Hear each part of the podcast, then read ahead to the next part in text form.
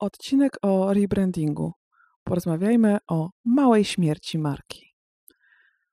Jakie pytania musimy sobie zadać, kiedy chcemy zrobić rebranding? Cześć, tu Lena Mitkowa. Wolałabym mnie to opowieści o komunikacji marek z punktu widzenia kogoś, kto wolałby żyć w świecie bez nich.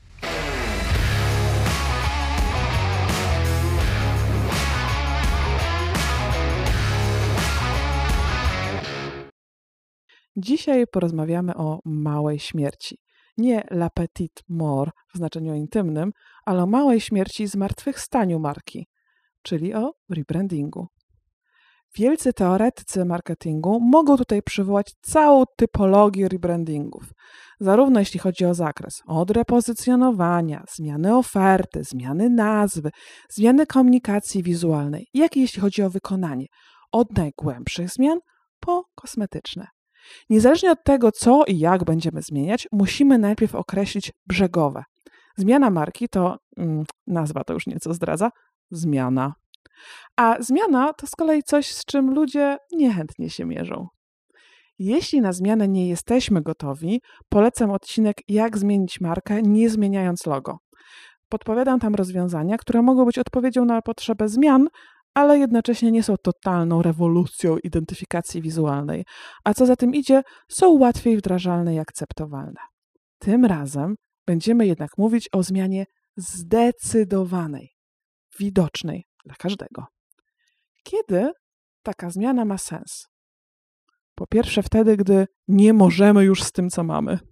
Zacznijmy od tego, co nas najczęściej uwiera – nie możemy już patrzeć na obecną identyfikację wizualną. Nie mamy nawet pomysłu, co moglibyśmy z niej uratować. Nie szkoda nam jej. Nie mamy poczucia, że coś stracimy. Nie boimy się rezygnować z tego, co jest, bo ryzyko nie jest duże. Chciałabym tutaj powiedzieć, że zmiana czysto wizualna nie jest rozsądnym pomysłem i zawsze za tą decyzją powinna stać zmiana strategiczna. Ale przecież to i tak nieprawda. Po prostu są takie chwile, w których decydujemy się na zmianę z powodów tylko estetycznych, bo już nie możemy. Inny przykład to, gdy zmienia się pozycjonowanie marki. To jest powód, który strateżki i strategzy lubią najbardziej. Brand owner rozpoznaje problem i szuka rozwiązania. Najczęściej tym problemem jest, co tu dużo ukrywać, spadek sprzedaży. W idealnym świecie zamawia się brand consulting i w wyniku badań wraz z zespołem ekspertów namierza problem. Być może problem jest w samej usłudze lub produkcie. Być może miejsce komunikacji marki i jej sposób jest nieodpowiednio dobrany do grupy docelowej. A może to grupa docelowa jest problemem. W każdym razie konieczna jest zmiana w samym produkcie lub sposobie jego komunikacji.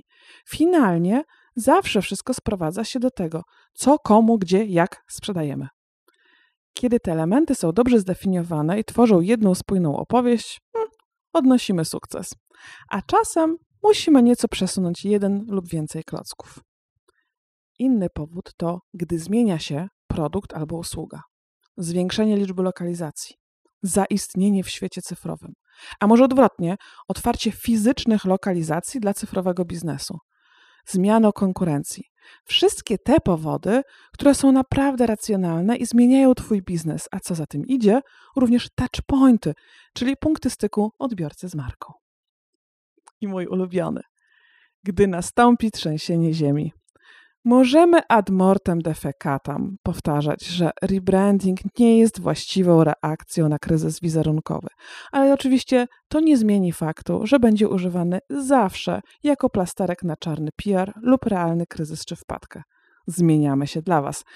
To hasło, które w biznesie oznacza mniej więcej to samo, co to nie jest tak, jak to wygląda w życiu prywatnym. Trudno. Innym rodzajem rebrandingu po zmianie jest oczywiście zmiana właściciela, fuzja lub przejęcie. Innymi słowy, robimy to, co zrobić należy. Załóżmy, że wiemy już, że chcemy rebranding i mamy do tego dobry powód. Zadajmy sobie teraz kolejną pulę pytań z gatunku tych hmm, miękkich. Krótko mówiąc, popatrzmy na to, co najczęściej wywala się w rebrandingu i powoduje, że mamy poczucie nieefektywnie wydanych pieniędzy. Zobaczmy, jakie są nasze ważkie pytania. Pierwsze, czy jesteś gotowy zająć się każdą kwestią, która może być niezręczna? Pomyśl o wynagrodzeniu, urlopach, środowisku pracy. Zaskakujące pytanie. Jeśli do rebrandingu zatrudnisz zespół strategiczno-projektowy, możesz poczuć się jak w kuchennych rewolucjach. Będziemy chcieli dowiedzieć się wszystkiego o marce, a nie tylko tego, jaki lubisz kolor i w którym roku założyłeś firmę. Punkt drugi. Czy jesteś gotowy zainwestować czas w szkolenia? Czas, oczywiście, w rozumieniu pieniędzy. Pracownicy będą mieli nowe narzędzia i nowe szablony i będą potrzebować pomocy.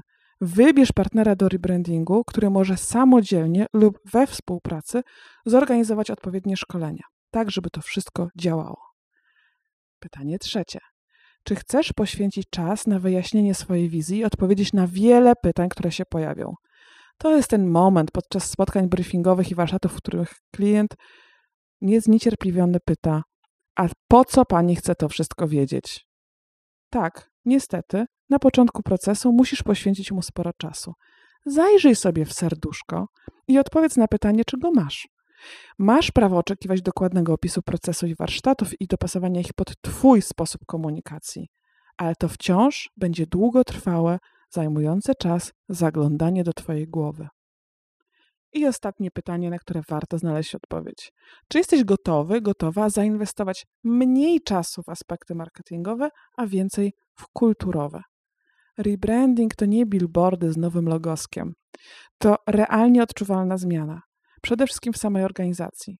Pytanie, czy jesteś na to gotowy, gotowa? Jeśli odpowiedź brzmi tak, gratulacje.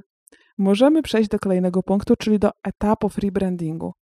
Tutaj nie powinno być większych zaskoczeń, ale uporządkujmy sobie ten proces raz a dobrze, krok po kroku. Popatrzmy na proces.